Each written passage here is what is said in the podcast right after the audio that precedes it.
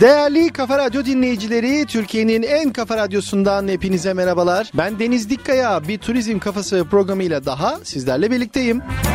Her hafta sizlere turizmin renkli dünyasını çok özel konular ve konuklarımla tanıştırmaya devam ederken hem turizm sektöründen son gelişmeleri benden dinliyor hem bu mesleğe gönül vermiş turizm profesyonelleriyle en çok merak edilen sohbetlere imza atıyor. Hem de dünyanın en güzel gezi rotalarını ve gastronomi lezzetlerini de birlikte keşfediyoruz. Bu programda görmek istediklerinizi ve program önerilerinizi her zaman olduğu gibi bana iletebilirsiniz. Instagram Deniz Dikkaya Official ve X platformu Deniz Dikkaya adreslerim sizlere 724 açık. Peki dostlar turizm kafasında bu hafta sizleri neler bekliyor? Güncel turizm haberleriyle başlayacağız. Sonrasında haftanın turizm sohbetinde bugün sizlerle çok özel bir konukla buluşturacağım. Hayat bir şekilde devam ederken türlü zorluklarla başa çıkmak zorunda kalan bizler için iyileşmenin yollarını bulmuş. Hatta bunu kitaplaştırmış bir isim. Mindfulness eğitmeni ve konuşmacı yazar Erhan Ali Yılmaz ile çok farklı ve etkileyici bir sohbete ve finalinde de harikulade bir meditasyon deneyimine hazır olun. Ama önce turizm haberleriyle başlıyoruz. İlk haberimiz resmi tatil yaklaşırken Rusların en popüler rotaları nereleri? Rusya'da resmi tatil olan 23 Şubat ve 8 Mart için yurt dışına tur satışları artışa geçti. Tur operatörlerinin verilerine göre Şubat ve Mart tatilleri için Rusya vatandaşları en çok Birleşik Arap Emirlikleri, Tayland, Mısır ve Türkiye'ye rağbet gösteriyor. Rusya Tur Operatörleri Birliği Başkan Yardımcısı Artur Muradyan, yeni yıl ve Noel'de yüksek fiyatlar nedeniyle tatilini erteleyenlerin de Şubat ve Mart'ta yurt dışı seyahati planladıklarını belirtti. Yurt dışına tur paketi fiyatları yeni yıl dönemine göre %30 ile 40 oranında ucuzlarken bir haftalık ortalama fiyat bugün Birleşik Arap Emirlikleri'ne 160 bin ruble, Tayland'a 189 bin ruble civarında. Türkiye'de 5 yıldızlı bir otele bir haftalık her şey dahil tur paketi fiyatının ise 120 ila 140 bin ruble arasında olduğu belirtiliyor. Mısır turlarında bu rakam 140 bin ruble. Sıradaki haberimiz bu madde milli güvenlik sorunu yaratır. İstanbul Rehberler Odası İRO milletvekilleri tarafından imzalanarak Türkiye Büyük Millet Meclisi Turizm Komisyonu'na sunulan Turist Rehberliği Meslek Kanunu ile Seyahat Acenteleri ve Seyahat Acenteleri Birliği Kanunu'nda değişiklik yapılmasına dair kanun teklifiyle ilgili basın toplantısı düzenledi. Turist Rehberliği Meslek Kanunu ile Seyahat Acenteleri ve Seyahat Acenteleri Birliği Kanunu'nda değişiklik yapılmasına dair kanun teklifiyle ilgili düzenlenen basın toplantısında konuşan İstanbul Rehberler Odası Başkanı Hüseyin Özgür Özaltun, düzenlemede yer alan otobüslerde rehber bulundurma zorunluluğunun kaldırılması ile ilgili maddenin milli güvenlik sorunu oluşturacağını söyledi. Toplantıda açıklamalarda bulunan İRO Başkanı Özgür Özaltun 9 Şubat Cuma günü milletvekillerinin meclise sunduğu kanun teklifiyle 63-26 sayılı meslek yasamızda değişiklik olacağına dair bilgi aldık ve bunları inceledik. Mevcut kanundaki bu yeni düzenleme hem bizim hem de ülke turizmi adına endişe verici maddeler taşıyor. Bunlardan en önemlisi yabancı turistlerin bulunduğu turlarda otobüslerdeki rehber bulundurma zorunluluğunun kaldırılması. Bu çok tehlikeli sonuçlar doğurabilecek bir madde. Çünkü bu madde çeşitli propagandalara karşı olarak konulmuştu. Dolayısıyla bu maddenin kaldırılması milli güvenlik sorunu yaratır ifadelerini kullandı. Özaltun yabancı dil bilme zorunluluğunun kaldırılması hakkında yabancı dil zorunluluğu olmayan rehberler yurttaşlarımıza rehberlik ederken argüman sunuyorlar. 13 binden fazla rehberimiz yurttaşlarımıza hem yurt dışı hem de yurt içinde rehberlik ediyor. Bir yapay kalite ayrımı yaparak yurttaşlarımızı yabancı dil bilmeyen rehber gezdirsin bakış açısı oluşuyor. Yabancı dil zorunluluğunun kaldırılması meselesi de bizim için çok önemli. Rehber olma koşulları arasında en az bir yabancı dil bilme zorunluluğu var. Bu zorunluluk ortadan kaldırıldığı zaman mesleğimizden eksilmiş oluyor. Bu meslek daha pasif hale gelmiş oluyor şeklinde konuştu. Otel zincirleri Türkiye'ye akın etti. Otel zincir ve gruplarının Türkiye turizm pazarına ilgisi devam ediyor. Türkiye Otelciler Birliği TÜROP Türkiye Zincir Grup Oteller Araştırması 2023'ü açıkladı. TÜROP araştırmasına göre son 5 yılda Türkiye'de faaliyet gösteren zincir ve grup otel sayısı 2020-21 yıllarındaki 2 yıllık pandemi molasına rağmen artışını sürdürerek 67'ye ulaştı. Bu özelliğiyle Türkiye yerli ve yabancı otel zincir ve gruplarının en fazla ilgi gösterdiği ülkelerin başında. Araştırmaya göre 67 adet zincir ve grup otelin 46'sı yerli ve 21'i yabancı yatırımcılardan oluşuyor. Türkiye'de faaliyet gösteren zincir ve grup otellere bağlı toplam 722 konaklama tesisinde oda sayısı ise 157.495'e ulaştı. 2019 yılında yine TÜROB'un araştırmasına göre bu sayı 57 olarak tespit edilmişti. 2019 yılında 57 adet zincir ve grup otellere bağlı toplamda 627 konaklama tesisinde 145.450 oda sayısı bulunuyordu. Buna göre 2023 yılında tesis sayısında 95 adet ve oda sayısında da 12.045 adet artış gözlemlendi. Araştırmada tesisler şehir oteli ve resort otel olarak ayrıldı. 74.343 oda sayısıyla 470 adedi şehir oteli ve 83.152 oda sayısıyla 251 adedi resort oteli olarak belirlendi.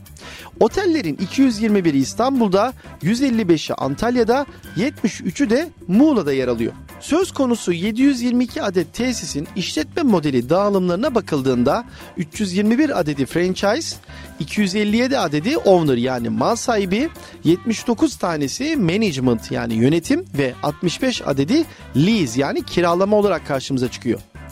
Wyndham Hotels zincirindeki 105 otel ile tesis sayısında Türkiye'de ilk sıra yer alıyor. Hilton Worldwide listede ikinci sırada. Hilton Worldwide'ın Türkiye'de 77 otelinde toplam 13.873 oda var. Akkor grubu 62 oteliyle toplamda 13.233 odası ile 3. sırada. Marriott Hotels 4. sırada yer alıyor. 44 otelde toplam 7674 odaya sahip ve Radisson Hotel Grup 33 tesiste 4876 oda ile 5. sırada. Sıradaki haberimiz turizmciler Milano'da buluştu. Dünyanın en önemli turizm fuarları arasında yer alan BIT Milano bu yılda sektör temsilcileri ve seyahat severlere ev sahipliği yaptı. Fuarda 2024-25 sezonunda kruvazyer turizminde Türkiye'nin yükselişine dikkat çekildi. Artık sadece yaz sezonda değil, yıl boyunca kruvazyer gemilerine ev sahipliği yapacak İstanbul Galata Port'un dünya çapında turizm şirketlerinin favorisi olduğuna vurgu yapıldı. Almanlar ne kriz ne çatışma dinliyor. Almanlar ekonomik zorluklara ve bölgesel çatışmalara rağmen bu yıl daha fazla seyahat edecek yurt dışı tatili sayısını artıracak. GFK tarafından But Foundation for Future Studies için yapılan turizm analizine göre Almanların %63'ü bu yıl için şimdiden en az 5 günlük bir tatil planladı.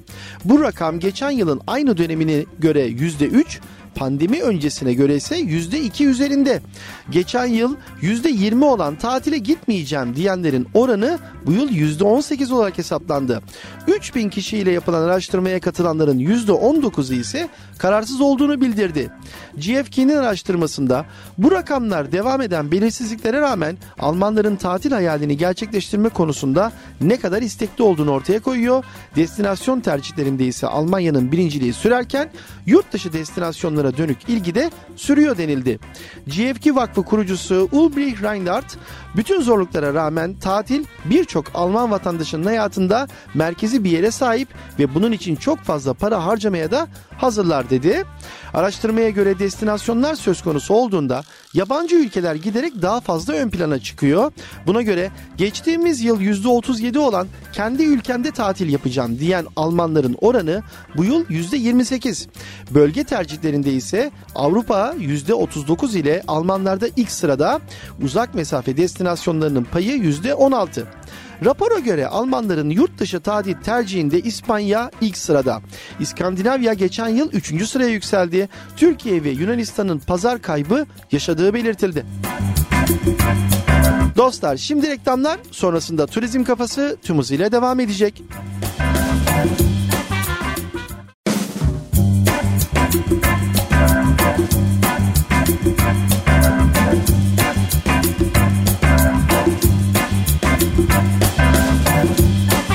Kafa Radyo dinleyicileri turizm kafasında şimdi geldik haftanın turizm sohbetine. Bugün çok keyifli bir sohbet yapacağız. Çok değerli bir konuğum var. Aslında uzun yıllar deneyimini, biriktirdiği tecrübelerini, yaşamının içerisindeki bütün keyifli, üzüntülü, sevinçli ve belki de o hatıralara döktüğü bütün olayları geçen yıl çıkardığı kitabıyla da artık bizlerle buluşturdu. Bugün çok farklı bir konuğum var. Farklı bir konu konuşacağız. Çok uzun zamandır turizm sektörü çalışanları, turizm sektörü işletmesi sahipleri ya da bu sektörün profesyonelleri olarak pandemi dönemi içerisinde başlayan bu yolculuğumuz pandemi dönemi sonrasında da turizmin tekrardan hareketlenerek artarak devam ettiği bir dönemi yaşıyoruz. Bu dönem içerisinde biz acaba mental sağlığımızı nasıl ayakta tekrar tutabiliriz? Mental sağlığımızı yerine tekrar nasıl koyabiliriz? Pandemi döneminde bozulan sağlığımızı tekrardan nasıl düzeltebiliriz? Nasıl iyileşebiliriz? Ve bununla ilgili de konuğum tabii ki bir mindfulness eğitmeni, aynı zamanda konuşmacı ve yazar Erhan Ali Yılmaz. Erhan hoş geldin. Hoş bulduk hocam. Nasılsın, iyi misin? İyiyim, teşekkür ederim. Sen nasılsın? Sağ ol, çok teşekkür ederim. Şimdi tabii mindfulness eğitmeni, e, mindfulness konusuna geleceğim. Çünkü mindfulness'ı neredeyse Türkiye ile bu kavramı Türkiye ile buluşturan, tanıştıran isim olarak da öne çıkıyorsun. O konuyu önce geleceğim ama senin hikayen içerisinde de yine de böyle bir, bir turizm geçmişi var diye biliyorum.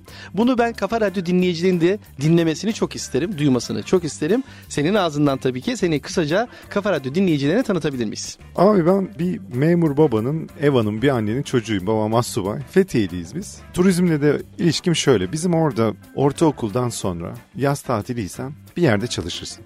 Fethiye'de çalışacağın yerin %90'da turizmdir. Ya otelde çalışırsın, komi olursun, garson olursun, güvenlik görevlisi olursun. Ya barda çalışırsın ya restoranda çalışırsın.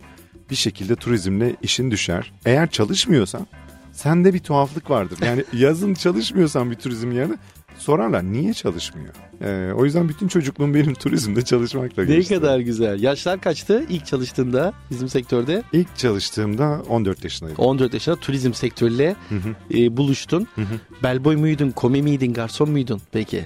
Başıma gelen hikaye şöyle. Bir arkadaşım Antalya'da bir otelde dedi ki abi burada iş var. Ben atladım Fethiye'den. izin de aldım ailemden. Gittim oraya. Garsonluk ya da barmenlik yapacaktım. Oraya gidince şey dediler bana. Burada şu an onlar bitti. E dedim ben de geri dönmeyeyim. Evet. Gurur yaptım. Çok zor izin almıştım çünkü ailemden. E dediler her şey yapar mısın? Yaparım dedim. Güvenlik görevliliği var yapar mısın dediler. Vay. Gece bekçiliği. Evet. Ve ben Antalya Beldibinde 200 kişilik bir otele bir ay boyunca gece bekçiliği yaptım. Süper süper. Gece güvenlik görevliliği çok önemli. Gece çalışan herkese selamlarımızı, sevgilerimizi yollayalım. Onlar şu anda uyuyorlar ama bizi podcast'ten dinleyecekler.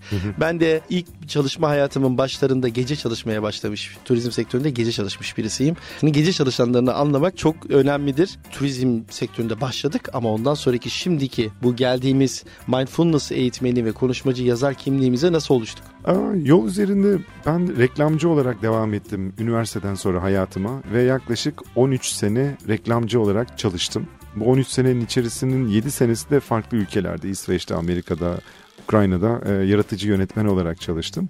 Bu süre zarfında bunlar da çok stresli meslekler reklam işi de sabah turizme benziyor. Yani bunun gecesi gündüzü yok. Hafta sonu hafta içi de yok. Sürekli bir koşuşturmaca halinde yani turizm işine o anlamda benziyor. Yorucu bir iş.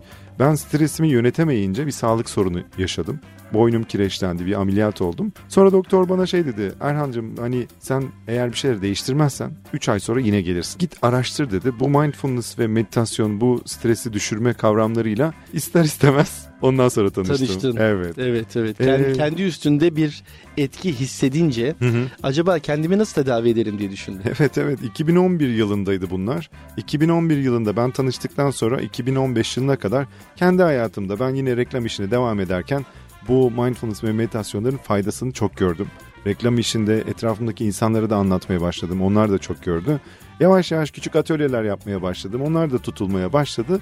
Sonra bir baktım ben reklam işinin yanında hafta sonları bu atölyeleri yapıyorum. Çok da keyif alıyorum.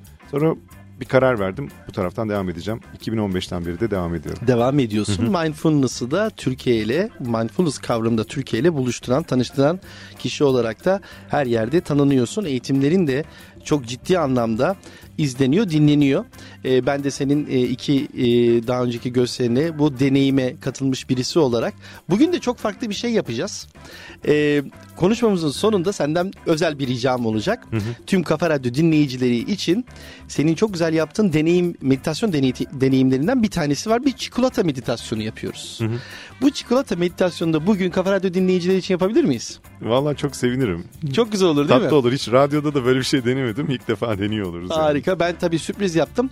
Ee, şimdi biraz önce de Işıl'dan rica ettim. Bugün acaba böyle elimizde Kafa Radyo'da bir çikolatamız var mı diye. Kafa Radyo'da Allah'tan her şey var. Çikolatamız da geldi ve işte değerli Kafa Radyo dinleyicileri birazdan konuşmamızın sonuna doğru çok güzel bir çikolata meditasyonuna karşınızda olacağız. Ama e, mindfulness ne demek? Önce onu da bir dinlemek istiyorum sizden. Turizmciler bu mindfulness kavramını aslında nasıl yorumlamalılar? Mindfulness Türkçe'ye çevirirsek gözlem yapmak demek. Olup biteni fark etmek demek. Bunun faydası ne olur derseniz insan dikkatini olup bitene verirse o zaman olup biteni fark eder ve fark ettiğinde iyi gitmeyen tarafları görüp değiştirebilir. İyi giden tarafları da büyütebilir. Dolayısıyla bunu gözlem yapmak ve sonrasında aksiyon almak için bir farkındalık kazanmak olarak tabir edebiliriz. Peki bunun günlük hayata uygulanmış hali yani bunu yapan kişi nasıl bir hayat yaşıyor dersek onun bir Türkçesi var aslında özenli bir hayat yaşıyor. Hmm. Ve mesela turizme getirirsem konuyu, turizmde bir kebapçı olsun mesela, bir kebap ustası. İki türlü kebap ustası var. Bir öylesine o işi yapan, bir de mesela kebabı sürekli gözleyen, gözü orada olan, kıvamında, pişmesinde olan ve tam zamanında böyle onu ateşten alan, tam zamanında çeviren bir usta vardır ya. Evet. O ustanın kebabı güzel olur. Bu işteki mindfulness özenmek ve dikkatini verebiliyor olmak. Anlatabildim mi? Ne kadar güzel, ne kadar güzel. Ne iş yapıyorsan ne özen iş yapıyorsan, diyorsunuz değil mi? Özenebiliyor olmak ve özenebiliyor olmak için de kafanın birazcık şey olması lazım. Nasıl söyleyeyim? Endişe kaygılara gelse bile yani o sırada o insanın hayatında kafasında endişe kaygılar olsa bile dikkatini tekrar o kebaba getirebiliyor olması. Evet. Bu evet, beceri evet. de zamanla kazanılıyor. Herkes de kazanamıyor. Bu mindfulness meditasyonları belki bugün bir tane de deneriz. Evet. Ee, insanın o kafasına endişe kaygı gelmemesini değil de geldiğinde buna karşı ne yapabileceğini, harika. Nasıl tepki verebileceğini, dikkatini tekrar kebaba ya da yaptığı içkiye ya da yaptığı yatağa ya da yaptığı rezervasyona getirebilmekle ilgili harika, bir durum harika. var aslında. Bu çok önemli. Turizmciler şunu tabii şu anda heyecanla böyle kulaklarını da açarak dinlemeye başladılar. Çünkü bizim işimiz, bizim sektörümüz gerçekten stresli bir sektör. Hı hı. Hizmet sektörü. Hizmet sektörünün içerisinde e, artık çok yoğun bir tempoda çalışıyor herkes ve neredeyse birden fazla kişinin işini yapıyoruz hepimiz. E, son dönemde sektörden ayrılan çok arkadaşımız da oldu. Çeşitli nedenlerden dolayı. Yerine birçok alanda olduğu gibi hizmet sektöründe artık çalışmak istemediği için insanlar yeni nesil özellikle ya da artık emeklilik de çok fazla arttığı için yeni arkadaş da bulamıyoruz çalıştıracak ya da beraber çalışacak. O yüzden iki kişinin işini, üç kişinin işini bir kişi yapmaya başladı. Hep beraber yapmaya başladık. Bu arada bu sadece Türkiye için konuşmuyorum. Belki birçok sektörde de aynı cümleleri de kullanıyor olabilir ama ben kendi sektörüm için söyleyeyim. Böylelikle tabii bir stres yüklemesi oluşmaya başlıyor. Değerli Kafa Radyo dinleyicileri bugün turizm kafasında haftanın turizm sohbetinde konu mindfulness eğitmeni, konuşmacı ve yazar Erhan Ali Yılmaz. Erhan şimdi stres madem en büyük korkumuz çünkü stres ciddi bir kaygı yaratıyor. Stresle başa çıkmanın yolları bir mindfulness eğitmeni olarak neler öneriyorsun? Öncelikle bunu konuşmayı öneriyorum. Ne güzel. ne güzel. Turizmde çalışan bir insan mesela bu bir yönetici olabilir ve onun bir ekibi var. Bu ekibe gidip şunu söylerse senin şu an yaptığın işi daha iyi yapabilmen için benim yapabileceğim bir şey var mı? Bunu sorarsa o zaman bir iletişim başlar ve o insan rahatlar. Der ki müdürüm bakın bunlar bunlar e, eksik. Dolayısıyla ben biraz zorlanıyorum burada. Bu eksikleri tamamlarsak ben daha rahat yaparım. Ya da işte bu saat şöyle böyle ya da işte gibi gibi gibi ihtiyaçları duymak için sormak lazım. Doğru. Öbür türlü ben senden şunu bekliyorum, şu performansı bekliyorum, hep gözümün üstünde şeklinde bir başka taraftan bir iletişim olursa bu sefer o insan sadece stres olur, eli ayağına dolaşır Doğru. E, ve endişelenir. Şimdi mindfulness ne demekti? Bir kişinin endişesini, kaygısını görüp oradan çıkabilmesi demektir. Dolayısıyla da biz eğer bir insana zaten endişeli bir, zaten zorlanan bir insana ekstra endişe yükleyecek bir iletişime girersek işi gücü daha zorlaşır. Doğru. O kebaba dikkatini veremez. Müdür geldi mi gelmedi mi ona bakmaya başlar. Doğru. Tam tersi eğer müdür gelip şunu sorarsa ya senin bu kebabı daha iyi yapabilme için benim sana destek olabileceğim bir şey var mı? O zaman işler değişir. Önce iletişim ve şeyleri açık açık korkmadan, korku ortamı oluşturmadan konuşmak. Stres faktörleri hep olacaktır Doğru. hayatımızda. Sadece turizm çalışanlarının işinde değil, özel hayatında da böyle. Mesela uzun saatler çalışan insanlar oldukları için e, eşleriyle ilgilenememe, çocuklarıyla ilgilenememe ve böyle durumlar olabilir. Ve bu insanlara bu vicdan azabı, suçluluk, kötü hissettirme gelebilir. Tabii. Diğer taraftan bunu çocukla ya da eşiyle konuşup bakın ben sizin e, bazen yalnız hissettiğinizi anlıyorum. Benim işimden dolayı sizin bazen sanki ilgilenmiyormuşum gibi. Ben bunları anlıyorum ve böyle hissetmekte son derece haklısınız. Diğer taraftan benim şu anki içinden geçtiğim süreçte bunları gerektiriyor. Bu bana da iyi hissettirmese de bunu belki ileriki dönemlerde daha yakın olalım, daha tadımız, keyfimiz iyi olsun diye şey yapıyorum. Ve ben sizi seviyorum. Sizin de beni sevdiğinizi biliyorum.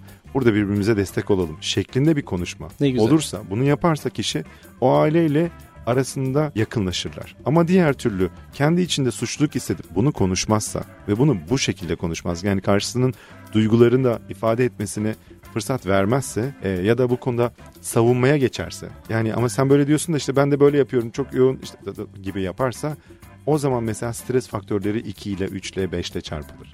En kritik şey bir kişinin o sırada stres yaşadığı durumu, ihtiyacı önce fark etmesi, Doğru. sonra da bunun iletişimini kurması. Çok önemli. Çok önemli. Yönetici gözüyle de baktığımızda dediğin gibi ekibinin yanında olmak, ekibine iş yaparken sahada onların böyle omzuna dokunarak belki de neye ihtiyacı olduğunu hissettirerek yakınlığı, e, samimiyeti hissettirmek altında çalışan elemanlar için belki bu stresi yaşayan ekip arkadaşları için çok önemli bir çözüm. Peki üstünde çalıştığı ortamda herhangi bir yöneticisinden böyle bir destek görmeyen Hı hı. Bir çalışan için ne öneriyorsun? Bazen bu şekilde zorluklar çıkabiliyor. Dolayısıyla da görülmemek, işitilmemek, önemsenmemek, umursanmamak gibi duygular yükselebiliyor.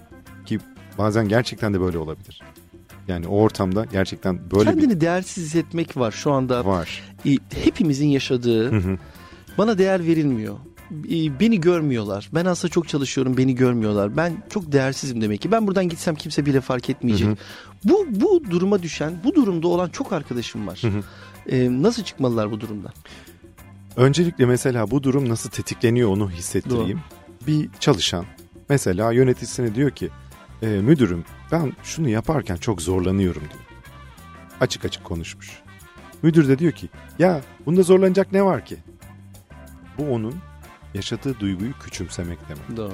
Basitleştirmek oluyor. Basitleştirmek. Ne var ki biz ne zorluklar çektik. Çektik. Bak Bu cümle çok kullanılır değil mi? Bak bunlar karşısının duygusunu küçümsemek, onun seninle olan iletişim çabasını, cesaretini bir cesaret göstermiş, duygusunu açıklıyor ya diyor ki Ya. bak bu konuda ben zorlanıyorum. Sen duydum, anladım desen o onun için ilaç olacak. Küçümsediğin zaman bunda ne var ki bilmem ne o zaman ne oluyor biliyor musun? Bir daha bunu söylemek ekstra zorlaşıyor. Çünkü ben zaten bir şey söylersem küçümseyecek. Hadi bunu da cesaret etti. Hadi buna da cesaret etti. Üçüncüsünde ne oluyor biliyor musun? Bak şuna benziyor. Ben bir mum yakıyorum. Sen bunu söndürüyorsun. Ben mumu bir daha yakıyorum. Sen bunu söndürüyorsun. Ben mumu bir daha yakıyorum. Sen bunu söndürüyorsun. Ben mumu bir daha yaktıktan sonra bu sefer ben kendimi söndürüyorum. Ya Aklına Ya. geliyor, söylemiyor. evet. Dolayısıyla Evet, da eğer böyle süreçler içinde yaşıyorsak bu ekstra zor. Ve burada kendimizi karşısı küçümsese bile kendimizin akıl sağlığını korumak için şunu fark etmek lazım. Biz bazı konularda zorlanabiliriz. Biz bazı konularda iyi hissetmeyebiliriz. Bu e, bizim zayıf ya da yetersiz olduğumuzdan değil, bizi bazen yaptığımız şeyi ya da duygumuzu açıklamamızı küçümseyen bir yöneticiyle de çalışıyor olmaktan olabilir. Yani akıl sağlığımızı burada korumak için karşısının her dediğini ya da her davranışını mutlak doğru olmayabileceğini, onların kendi psikolojilerinde yönetmekte zorlanıp bize bunları bazen bu şekilde aksettirebileceklerini hatırlayıp buralarda akıl sağlığımızı korumak için bizi dinleyebilen, anlayabilen insanlarla da konuşmak. Evet yani ben burada zorlanıyorum deyince evet yani bu bazen zor olabiliyor. Ben anlıyorum. İçinden bir dönemden geçiyoruz. Umarım, umarım daha kolaylaşır. Umarım bu senin için, benim için daha kolaylaşır. Şeklinde seninle iletişim kurabilen, e, bu şekilde konuşabilen insanların da o iş yerinde olduğunu ümit etmek istiyorum. Eğer kimse yoksa kaç. Yani birisi Kaç. yoksa Kaç. Kaç. bu kaç çok yani. bu çok bu çok Bu kadar tam bir çıkış yani. noktası şu andan Evet. söylüyorum. Eğer böyle sorun yaşayan bir yöneticiyle çalışıyorsanız ya da özel ilişkinizde kendinizi böyle e, tıkanmış hissediyorsanız aynı şekilde kendinizi boşaltacak, o duygularınızı anlatacak başka birilerini mutlaka bulmalısınız değil Mutlaka. mi? İçine atma diyorsun herhalde Hı hı. değil mi? Hı hı. Hı hı. O duygu duyulsun, Evet. görülsün. Eğer bir insanın içindeki bu şekilde sıkışmışlıklar birikir, birikir, birikir ve kimse tarafından görülmezse bu çok ağır bir hücre hapsi gibi oluyor o insan Doğru. için. Doğru. Ve o insanın, öyle hisseden bir insanın karşıya fayda edebilmesi, onlara gülümsemesi, onlara düzgün hizmet verebilmesi o kadar zorlaşıyor çok ki. çok çok. Ve çok. sonrasında o kişiden bunlar beklenip ama böyle davranıp bunlar beklendiği zaman e, ve o performansı sergileyemediği zaman da yargılandığında Evet. iş çok saçma bir yere gidiyor. Burada şunu söylemek istiyorum hocam. Dalai Lama'nın bir lafı var. Diyor ki eğer bir insanı gerçekten anlarsanız o insana hissedebileceğiniz yegane duygu sevgi ve şefkattir diyor. Birinin davranışlarını beğenmiyorsak ve ona karşı kızgınlık, öfke benzer şeyler hissediyorsak onu tam anlamıyla anlamamış ya da dinlememiş olabiliriz. Olabiliriz. Yargılamadan önce bir dinlemek ya senin burada bir derdin var mı? Bir anlatsana Ne kadar demek güzel. işleri Ne çok kadar değiştirebilir. Evet. her iki taraf içinde sıkıntıları, dertleri sümen altı etmemek. Ben böyle anladım. Doğru mu değil mi bilemem. Kimle beraberiz, kimle konuşuyoruz? Mindfulness eğitmeni ve konuşmacı yazar Erhan Ali Yılmaz'la konuşuyoruz. Hepimiz az da olsa yaralıyız. Belki biraz öfkeli, sabırsız, üşengeç ya da kırgınız. Bazen dikkatimiz dağınık, bazen fırtınanın içinde sıkışıyoruz. Bazen de koşturmacanın içinde yönümüzü kaybediyoruz diye başlayan kitabın çözüm olarak neleri öneriyor? Artık kitabına da bir gelmek istedim. Kitap yüzeye yakın anahtar içeriyor. Şimdi bazen biz kapıda kalırız. E, anahtarımızı unutmuşuzdur. Bazen de bazı kapıları açacak anahtar elimizde değildir. Başka anahtarlar vardır. O kapıdan geçemeyiz. Orada sıkışıp kalırız. Hayatımızda böyle anlar çok olmuştur. Sıkışıp kaldığımız, çözüm bulamadığımız. Başka insanlar aynı konulara çözüm bulmuşlardır. Bu çözümler de farklı bakış açılarıdır. Farklı bir yerden bakınca o kapı açılır. Ben hayatımda 40 yıl boyunca karşıma çıkan pek çok kapıyı açamadım. Bu öyle zamanlarda kitaplardan, insanlardan, var olan bilgilerden yardım aldım ve o kapıları farklı bakış açılarının açtığını, o kapılardan geçtiğimi gördüm. Bu bazen ilişkilerde, bazen sağlıkta, bazen de eee, diğer konularda. Bunları 3 sene boyunca toparladım ve her birini birer sayfadan oluşacak küçük hikayelerle 100 tane bakış açısı, 100 tane anahtarı bir kitapta topladım. Ne güzel. Ee, amacım şu.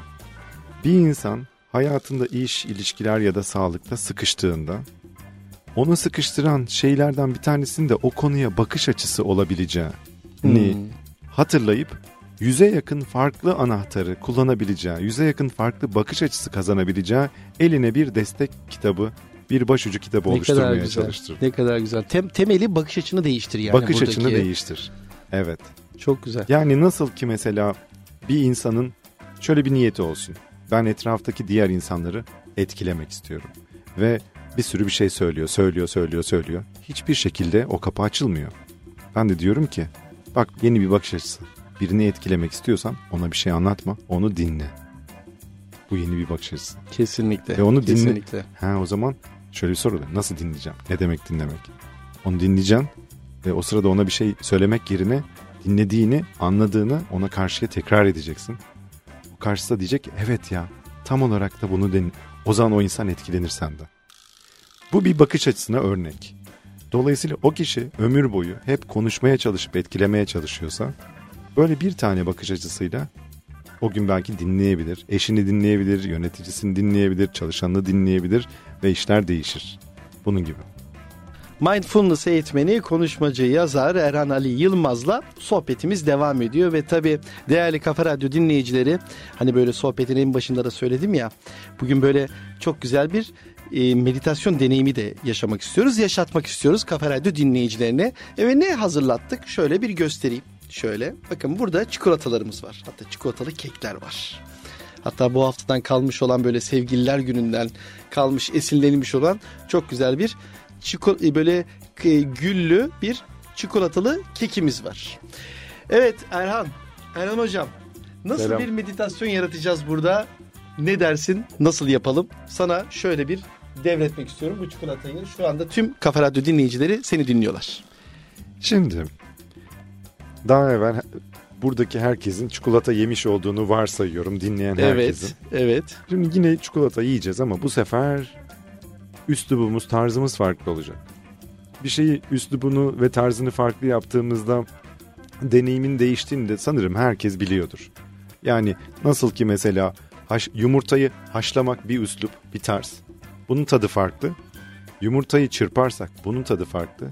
Yumurtayı menemen yaparsak bunun tadı farklı oluyor ya. Aynı yumurta ama üslup değişince tat değişiyor, deneyim değişiyor. Çikolatayı yemede de bir üslubu ta- e, tarzı değiştirirsek o zaman deneyim değişecek. Nasıl değişecek? Nasıl Şöyle değişecek? değişecek. Şimdi önce arkadaşlar herhangi bir çikolatayı alıyoruz. Evet. Aldık. Yemeden önce önce bir etrafına bakıyoruz bu nasıl bir şey diye. Bir bakıyoruz tamam mı? Kutusu, ambalajı nasıl? Sonra bir kokluyoruz. Şu an bir koklayalım. Ne kokusu geliyor mesela? Çok güzel kokuyor. Ne demek bu? Biraz tarif edelim. Ee, sanki böyle bir e, vişne kokusu alıyorum. Ben de biraz vanilya kokusu alıyorum. O da Biraz- geliyor alttan. Alttan geliyor değil mi? Evet. Mesela şimdi sağını sonunu koklayalım. Çikolatamızın. Daha yemiyoruz. Sağını solunu kokladık. Tamam. Şimdi bunun sesine bakalım. Bunun bir sesi var mı? Kulağımıza dayadık. Nasıl anlayacağız onu? Bakıyoruz. Ah Bir şeye bakmazsak Tamam. olup olmadığını varsayabiliriz değil mi? kesinlikle. Şimdi Evet. çektim. Bakıyoruz. Sesine baktık. Şimdi bir de bunun dokusuna bakalım. Yani yumuşak mı, hafif sert mi? Hafifçe baktık buna. Tamam. Şimdi çikolatamızdan küçük bir parçayı ağzımıza alıyoruz. Küçük bir parçayı. Evet. Bir dakika. Çiğnemiyoruz. Sadece aldım. Ağzımıza aldık. Bu arada bir şey söyleyeceğim. Ümit de burada. Biz niye böyle kendimiz yapıyoruz? Hemen Ümit'e de. Hemen Ümit'e de verelim. Hemen verelim. Şimdi ağzımıza aldıktan onu sonra kesiyoruz tamam.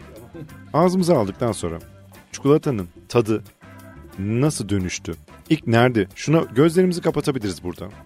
Ağzımıza aldıktan Ağzımıza sonra. aldıktan sonra çikolatanın tadını ilk nerede duyumsuyoruz? Damağımızda mı? Dilimizde mi? Sağ tarafta mı? Sol tarafta mı? Nerede hissediyoruz? Baktık. Ağzımıza dolaştırdık çikolatayı. Hafif çiğneyebiliriz. Ağzımıza dolaştırdığımızda mesela ne gibi tatlar açığa çıktı? Ben mesela bir karamel tadı alıyorum şu an.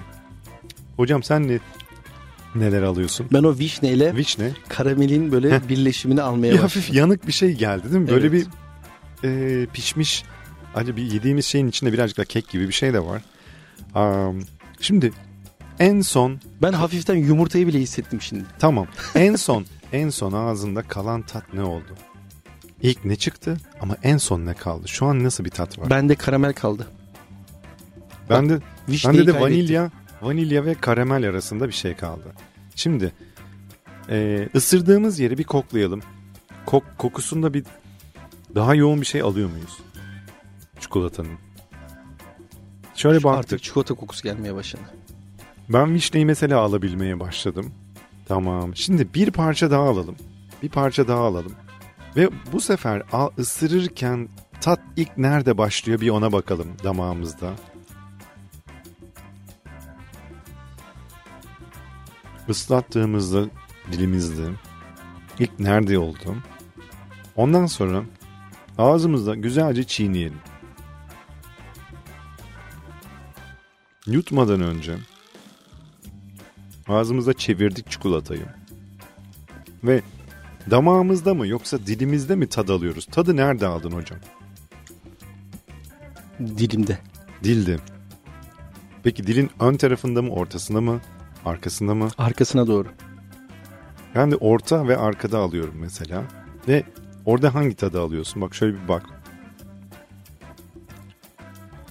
Ortasında ne alıyorsun, arkasında ne alıyorsun, ucunda ne alıyorsun? Çünkü farklı reseptörler var. Kesinlikle.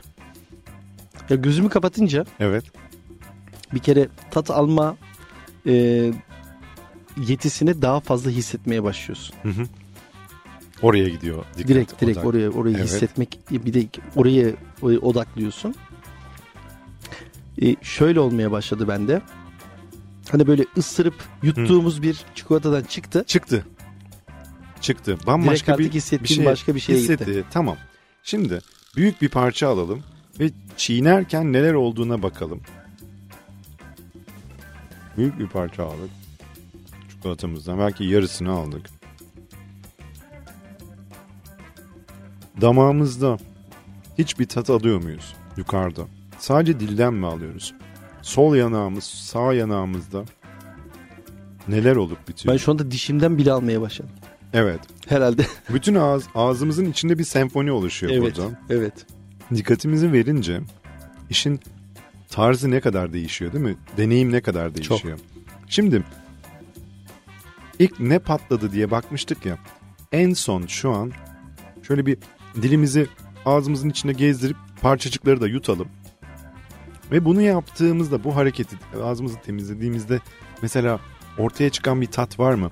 Şöyle bir burnumuzdan nefes alalım. Ağzımızdan üfleyelim. Nefes alıp verdiğimizde mesela ağzımızda bir tat oluşuyor mu? Sanki biraz o da Kesinlikle, oluştu değil mi? Kesinlikle. Kesinlikle. Hava girip çıktığında bir, bir tat değişimi oldu. Ben mesela şeker tadı, karamel tadını en çok aldım. Şimdi sevgili arkadaşlar biz küçücük bir çikolata yani bu elimizdeki belki 10 gram bile değil küçücük bir çikolatayla böyle bir deneyim yaşadık. Ee, Daha hepsi de bitmedi. Ee, ve bu burada şunu paylaşmaya çalışıyoruz. Eğer bize katıldıysanız bunu dinlerken ki katılmanızı çok isterim. Böyle bir şey deneyiminizi çok isterim. Günlük hayatımızda biz hani hayatı koştur koştur yaşıyoruz ya. Oradan oraya koşturuyoruz, oradan oraya koşturuyoruz. Yemekleri arada e, hapur hapur yiyoruz falan. Hatta bazen o yüzden de mesela bir İskender yerken o yetmiyor diyoruz ki bir buçuk. Ama sonrasında bir bakıyoruz o sırada acele ettiğimiz için fazla yemişiz. Aslında bir çok yeterliymiş bize. E, ama sonrasında bunu fark ediyoruz. Hayatımızda şu an tükettiğimiz çoğu şeyin biri bile fazla. Çok daha azıyla e, yeterli. Ama biz koştur koştur yaptığımızda bir bile yetmiyor. Bir buçuk olsun, iki olsun. Çikolata 50 gram olsun, 100 gram olsun. Bize o sırada o anlık dikkatimizi vermeyince kafamız başka bir yerde olunca yetmiyor. Şimdi hocam sana bir şey soracağım. Bu 10 gramlık çikolata. Yarısını yedik. Tamam mı? 5 gramını yedik, 7 gramını yedik. Senin çikolata damak zevkini kesti mi? Yetti mi şu an? Kesinlikle. Normalde ben bu çikolatadan bir 10 tane falan yemem lazım normalde. Kesmesi için. Çünkü direkt ben ağzıma atıp yutan bir tiptim. Yutan. Ama sanırım bir tanesi hatta son Fazla- lokmasını bile yemedim biliyor musun? Kenarda Yemedin. duruyor. Ye- Ve şu anda ben çikolata ihtiyacımı, çikolatalı kek ihtiyacımı gidermiş oldum. Eren Ali Yılmaz'a teşekkür ediyorum. Başka bir şey değil. Eren çok güzel deneyimdi.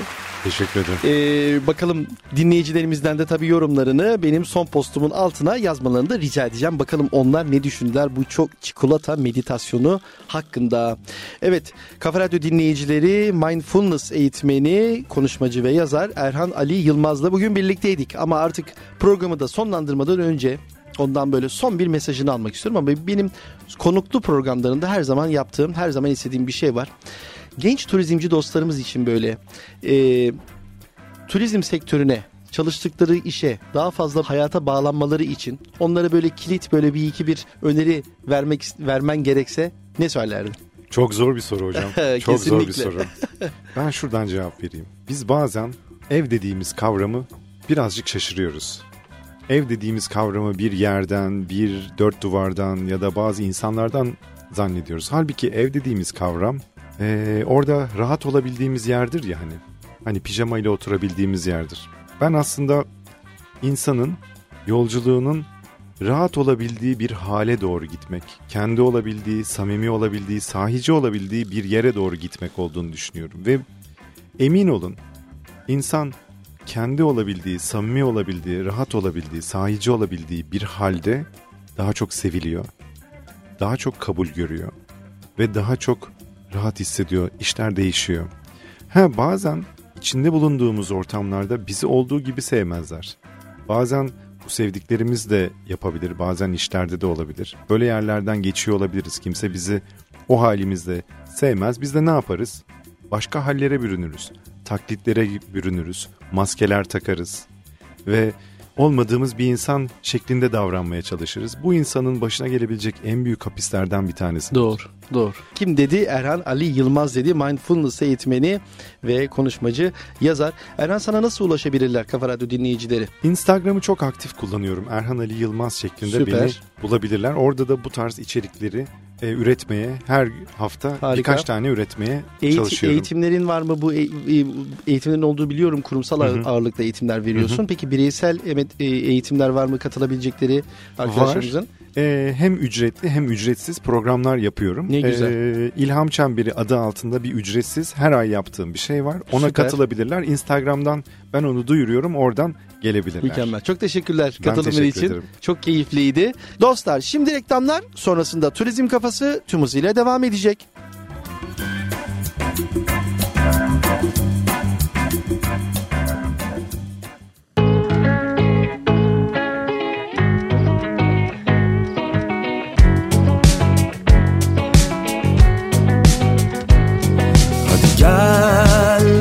düşsek dillere Gelsek gözlere. Beni kendine çeksen kendime getirip sallayıp geçmişe hiç Kaygıya gerek yok. Sar beni rahatla. Balık gibi uçalım hayale dadanıp Gönlümü kandırıp ah, ah. Ne kime ne ben saracağım seni yine de. Yakışıklı hani sen gülüyorsun ya inceden.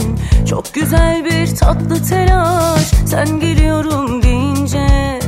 Yakışıklı yeniden yak bizi hiç düşünmeden. Çok gerekli sıcaklığın tatlı tatlı koynuma gel. Hadi